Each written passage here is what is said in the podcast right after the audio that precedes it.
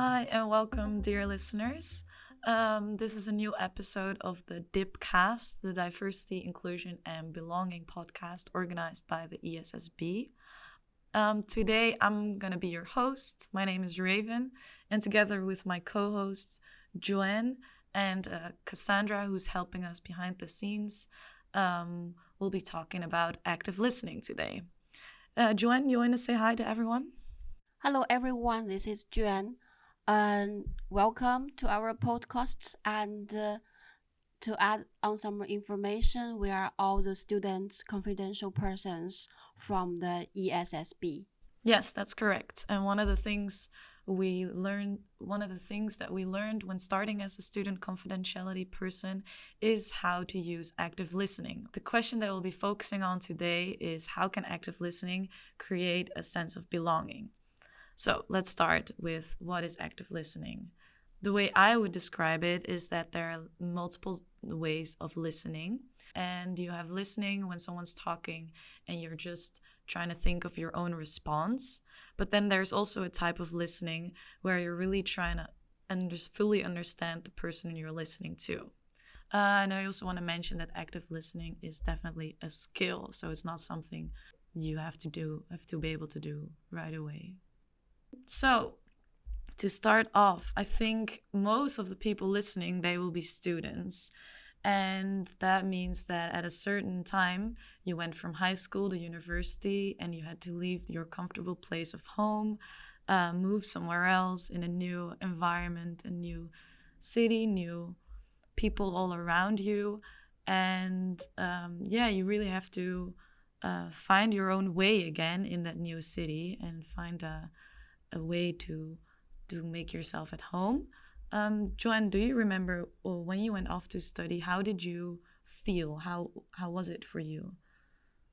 Wow, I love this question. And to be honest, from my experience, going abroad to study can be very challenging. In the beginning, I was so thrilled by this big world and also the freedom I get, you know, without parents. Uh, however, after the honeymoon of you know being independent and alone, I I started to realize that I have some deeper needs for this new world, and I want to find a spot here and want to be part of this place I'm in.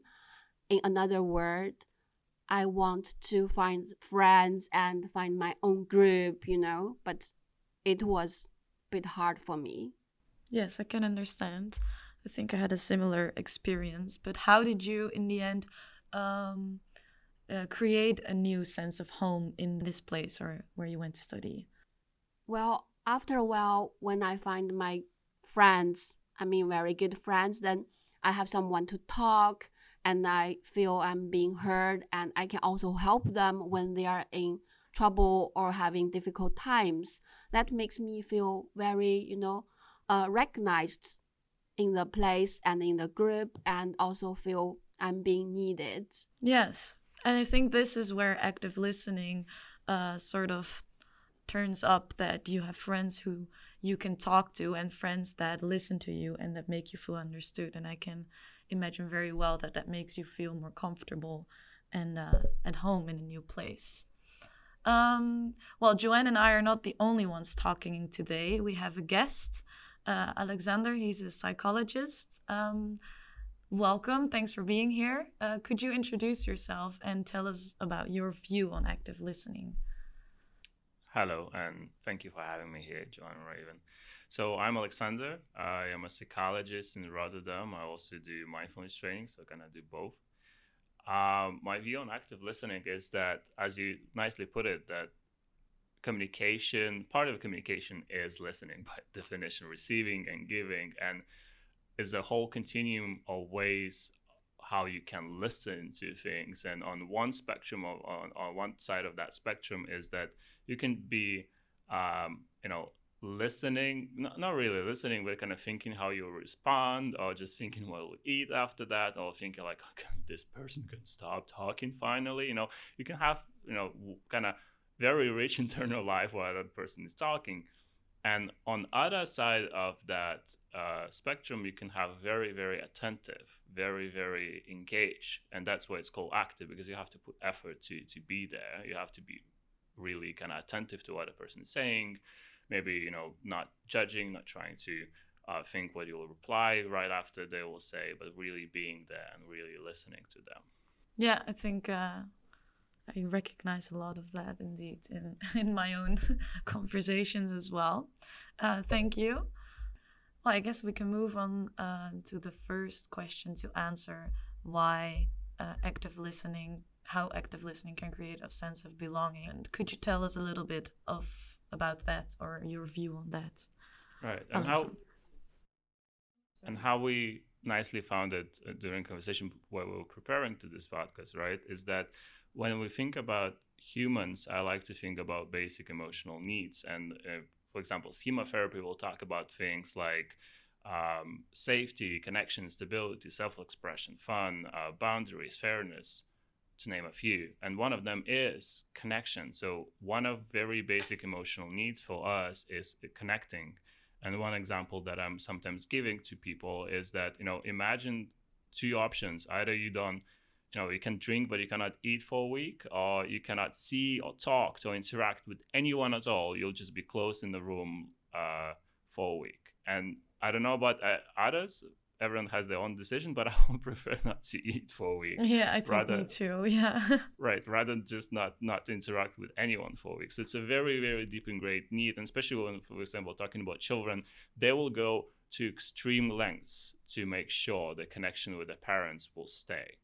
So here, as we grow up, active listening becomes this tool that we can foster and improve and, and work on the connection with other people uh, to make sure that we are connected, that they are connected, and that need is being met. And within that need, we can also meet other needs like expression and also safety and stability. So it's kind of a fundamental uh, link between us and others. Yeah, and and would you say that because maybe if I can describe it like this, there's also the passive listening where you're not listening in the same way. Um, does it not foster the same needs? It can, maybe. I would say if everything is already perfect, maybe you can go along with the passive listening. It will be fine. It will mm-hmm. not, you know, be worse. But sometimes you really need that active listening, and especially think, for example, when you have emotional conversations because then you have a lot of BSs, you have a lot of judgments. Both parties are kind of on fences and they're like, oh, is that other person hating me? Or maybe they don't love me anymore and stuff like that. And you really need to be very actively listening to really show I'm here.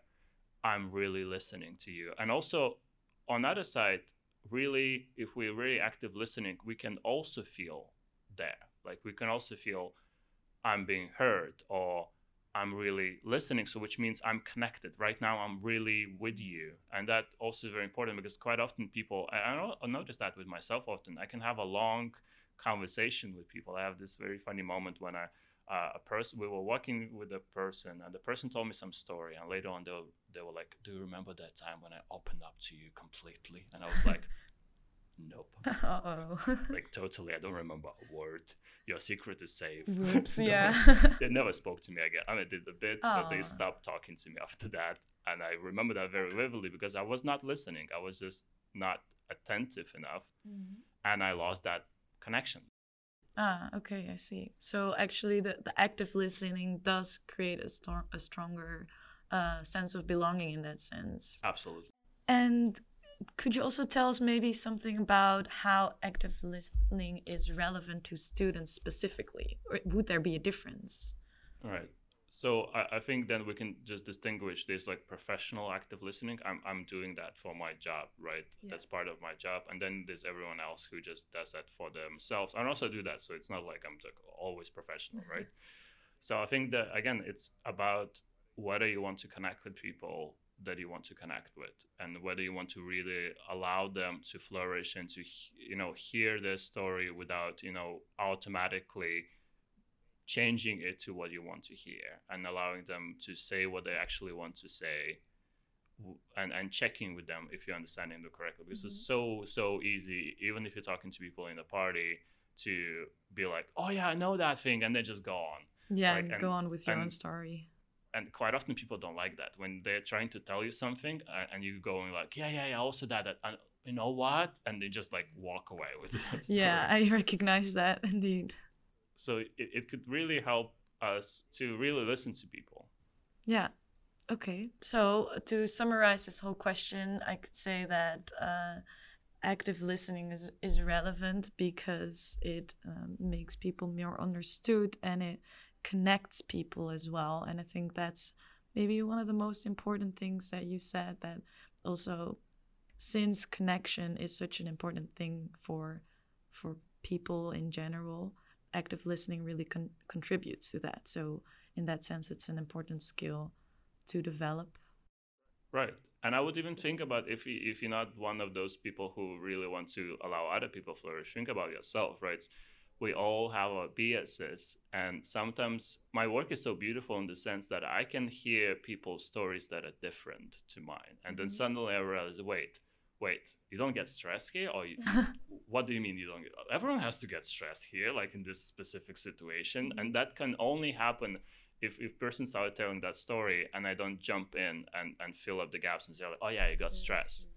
so you gain a lot of sort of insight in how other people think as well and you can learn from that would you Essentially, yeah, also getting insight into how I am by Yeah. contrast. If you walk in the same path, imagine you grew up in a in a village when there was only like mud paths, and you think this is the road. This is how the road is. There's no other roads. That this is how it is. And then unless you go somewhere else, you don't even know this, right? You don't even know this road because for you, this is how th- this is the only way. yeah if you see some other roads, you'll be like, wait, roads can be different. so in the same way, we cannot know ourselves without having the comparison with others. That's true. Wow this sounds really like a, a wonderful skill that everyone should have. yeah then i'll give the word to joanne and you can take it from here. Yeah thank you. Um well now we know active listening is very relevant to all of us and also for the students. So um, research showed that the average person hears between 20000 to 30000 words per day and it is a very overwhelmed number this makes me think that we are actually very good and natural listeners either passive listening or maybe some kind of active listening. But what do you think the active listening is kindly like you have to be specifically uh, taught or it can also be someone just naturally good at it? Right. And I think it comes back to being good at it is also somehow a constructed concept, right? It's like I'm good at walking, but if you Me like, too. right, everyone's kind of good at walking, but if you just you are you are like you know paralyzed for the first twenty years, and now you have to start walking, um, good luck with being very easily and quickly proficient at that. So if you grew up in an environment where it was super supportive, other people were very active active listening on their side, they did their job and help you model the skills. You of course you'll be like natural at it. If you didn't have any you know genetical predispositions to I don't know ADHD, and you just easier for you to concentrate, then you'll be natural. But it's you know it's not very fair to a lot of folks there, and I think it's also a skill that can be trained. If we even if you, I don't think I'm very like I was very attentive. Like I'm, I think I have a bit of like my attention goes everywhere all the time, and I get quite easily overwhelmed and stressed. So for me, it takes you know effort to switch in and be like, okay, now I'm listening. I'm really there. Wow, this is actually cool. So as long as we are able to hear, then we have a lot of potential to be trained to be an active listener. Is that right? Absolutely, you can. I think you can definitely learn. Also, like employing just some some methods. That's uh, the more formal way of, of learning active listening, and just being really present and mindful with what's going on, how you feel, you know what's what's going in your body, what's going with the other person who's talking, what they're saying. That could really the kind of formal and informal ways of training uh, active listening. And uh, then, apart from the work, how do you use it? Those specific skills in your daily life.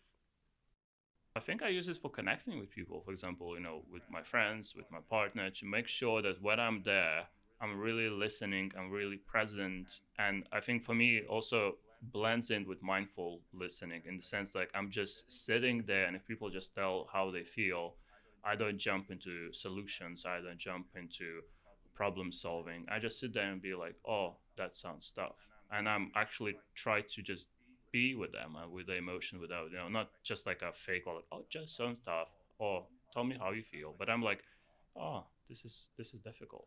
How how how does it feel? So the most important thing is that first you had to be really um, putting your attention to the person who is speaking and try to understand their feelings. Well. And then the question is how can the speaker, let's say, feel that you are putting the attention? How do you show that you are actually putting the attention? Right, and here that's what is normally trained under active listening. All this like um, verbal and non-verbal skills to show the other person that you're listening. So maybe a bit leaning forward, maybe having your hands open, not crossing your arms as a non-verbal stuff, nodding as non non-verbal stuff and verbal stuff like doing this. It's still non-verbal that mm-hmm mm-hmm mm-hmm that kind of thing. So i, I listen. I specifically one thing that i really like uh, especially with clients that i just say okay can i just recap what you said? Just point by point. Even if that's 10 minutes i would normally take notes while they talk and then i just give them back. Of course with friends you cannot do that but the small recaptions can be there just to check, especially if some kind of sensitive information. You can say something, did I understood you correctly? You were saying that. And you feel like, oh, that's so fake and wrong. But quite often you'll be wrong. You will be saying something and the person will be like, no, that's not what I meant. But the person would correct you and give you straightforward, right information, I assume. Right. And that correction is what you actually want to. You want to come as close as understanding them. We probably will never understand them perfectly because their subjective experience is just different from yours. But you try to come as close to understanding them as you can possibly be. And I guess it's helpful for themselves as well to if if you haven't understood it fully, then they haven't explained it maybe in the right way. So maybe they also think like by explaining it to you again, they go over their thoughts. Is that true or that's a really good point. I didn't think about it but yeah i think when we talk to other people it also helps us to better understand what we are thinking yeah i think so. Well that's at least what i uh, noticed for myself sometimes that i'm like oh if i'm saying something or i have to explain something then i understand it better as well yeah, that's so it's a two way. That's a great point. I think yeah, when we're trying to explain something to other people, we try to we, we go through iterations. Mm-hmm. And you can really see if yeah. people go like through a few months of talking about the same thing. After a few months, they have a very kind of real good story about it. But in the beginning, it's kind of uh, not really, not really clear. But it's not because they're trying they're trying to understand themselves. So you actually help them to explore themselves yeah. if you're just there and present and don't judge them, don't give them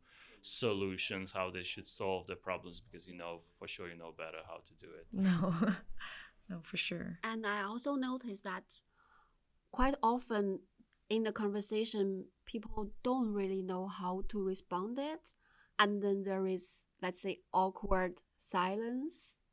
And what do you think about the silence in in the sense of active listening? Does it help, and how it could be helpful if this silence happened in the conversation? That's a great, great question. Um, I think we can distinguish two types of silences. At least when I work, I definitely try to pay attention to types of silences. One is empty silence. Everyone's just feeling awkward and they're like, yeah. yeah. Then yeah. maybe you can, you know, help out the other person if you can. And also, it involves being more comfortable that is just normal. There's nothing wrong going on. It's a blip in a conversation. Will be fine. And the other one is active silence when you are silent, but that you you think the other person is thinking very intently. It feels a bit different. The, you know you can see the person being like thinking about something, and then when you if you interrupt them now, you they might lose the track of thought. So you might as well give them some space to think.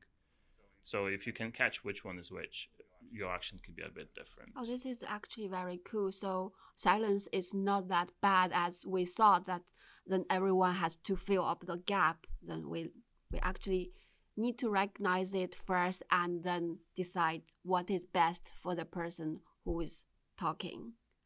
Right. Right. Yeah, I think the equivalent could be like if you're riding in a train, you can look outside and enjoy it, or you can just go to your social media and find out that everyone hates everyone again. That's a good comparison. so, like, if you just fill up that silence for the sake of filling up because you're feeling uncomfortable, then you're doing that for yourself, and you should, yeah, just acknowledge that you're doing this because you're uncomfortable. That's the only reason you're doing that. You're not doing that for the person. You're doing that for yourself. Yeah. So, are there any are there any specific uh, techniques that as students could learn like take away from today? Um, i mean some of them are, need some practice so if you start just recapping what other people say they will really feel that's very artificial and weird and takes some time to make it yours. Mm-hmm. so some people can just choose trying to do that and trying to have like small recaps or just checking how the people feel and asking how that feels. So just you know reform uh, repeating what the other person said with their own words and that kind of things. But that will take time and i invite you to you know experiment with people that you feel more safe with in the beginning. But i think in, in general my advice would be to just start noticing how you feel yourself when other people talking not by you know shielding away but being like i'm sitting here I'm there and try to pay attention to what other person is saying very in a active way and uh, try to put all your attention towards that instead of being worried that you will not say something smart after that and be like okay I will come up with something. I can wait. They can wait for my reply afterwards. So give yourself time and space to talk uh, unless you know super super speedy conversation but that's not often happens. Okay so I think to recap, what you are saying was like first you need to be aware of your own um, position, like try to be the active listener, and you know that you're attentively listen, and you don't need to really rush to you know in your head thinking of what should I say next to this sentence. Uh, absolutely, like the, the because when you're trying to fill up the silence, you're tensing up. The more you're tensing up, the more artificial the whole thing is. But it takes time. So I will really encourage people to be kind to themselves because if you do that and you feel awkward, that's normal. I I remember when we were like bachelor of psychology students, everyone was trying active listening on everyone. Everyone was hating each other. Some people came to me like, Alex, stop therapy us. I was like, but I can. This is part of me now. But uh, now I look back and I'm like, ah, I'm such a special snowflake. yeah, but I think uh, just to try and see how it goes with your close friends or with your boyfriend, girlfriend, maybe you will experience something differently. That's to you know form your own relationship even stronger because you can understand each other better yeah we've we've learned a lot i feel like uh, about different aspects of active listening. Um, so of course we started with the question how can active listening create a sense of belonging? And we've seen that um, active listening compared to passive listening really lets people connect to each other and um, make the person that is being listened to feel more understood. And that's a really big part of creating a that sense of belonging. Um, it also starts a lot with showing empathy in that way, I think, if I understood correctly, that by listening in a way to to someone like that, you show empathy, and and that's just a nice feeling to get. Um, yeah, um, I think really the first step in the process of uh, learning how to actively listen is uh, this awareness. So uh, you've all done the first step already because you're aware of active listening now. Uh, so that's nice. And then, um, yeah, uh, Alexander mentioned some really nice uh, other steps you can take. and um, yeah, so go go ahead have a practice if you feel like it. So I want to thank Alexander for being here, and thank you for having me. Yeah, of course, great that you were here.